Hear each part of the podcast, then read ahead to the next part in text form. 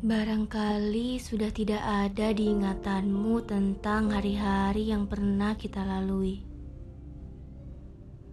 Duduk bersama di sebuah taman, obrolan dan candaan ringan, atau semua hal yang membuat kita merasakan benar-benar disebut pasangan.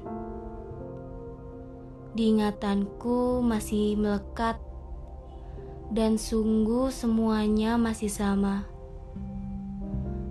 Semuanya yang mungkin bagimu sudah kandas, tapi diingatanku masih saja membekas.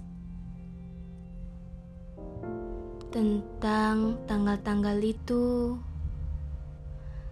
tentang aroma aspal saat diguyur air hujan saat kita berteduh bersama di emperan sebuah toko. Bahkan tentang jauhnya jarak yang menyampaikan rindu saat kita tidak saling berdekatan.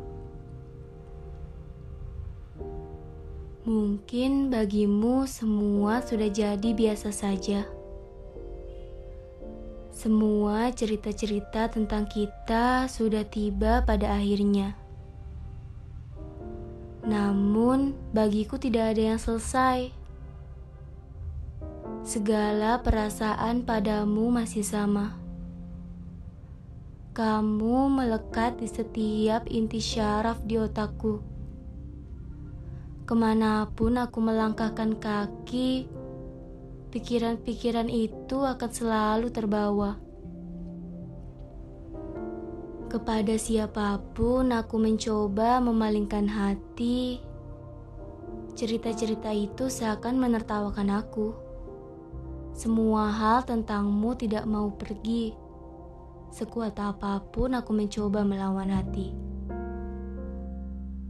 Aku mencoba meniru apa yang kamu lakukan untuk melepaskan diri dari mencoba menemukan kawan-kawan baru, berkunjung ke tempat-tempat baru, hingga mencoba menjalin hubungan dengan hati yang lain.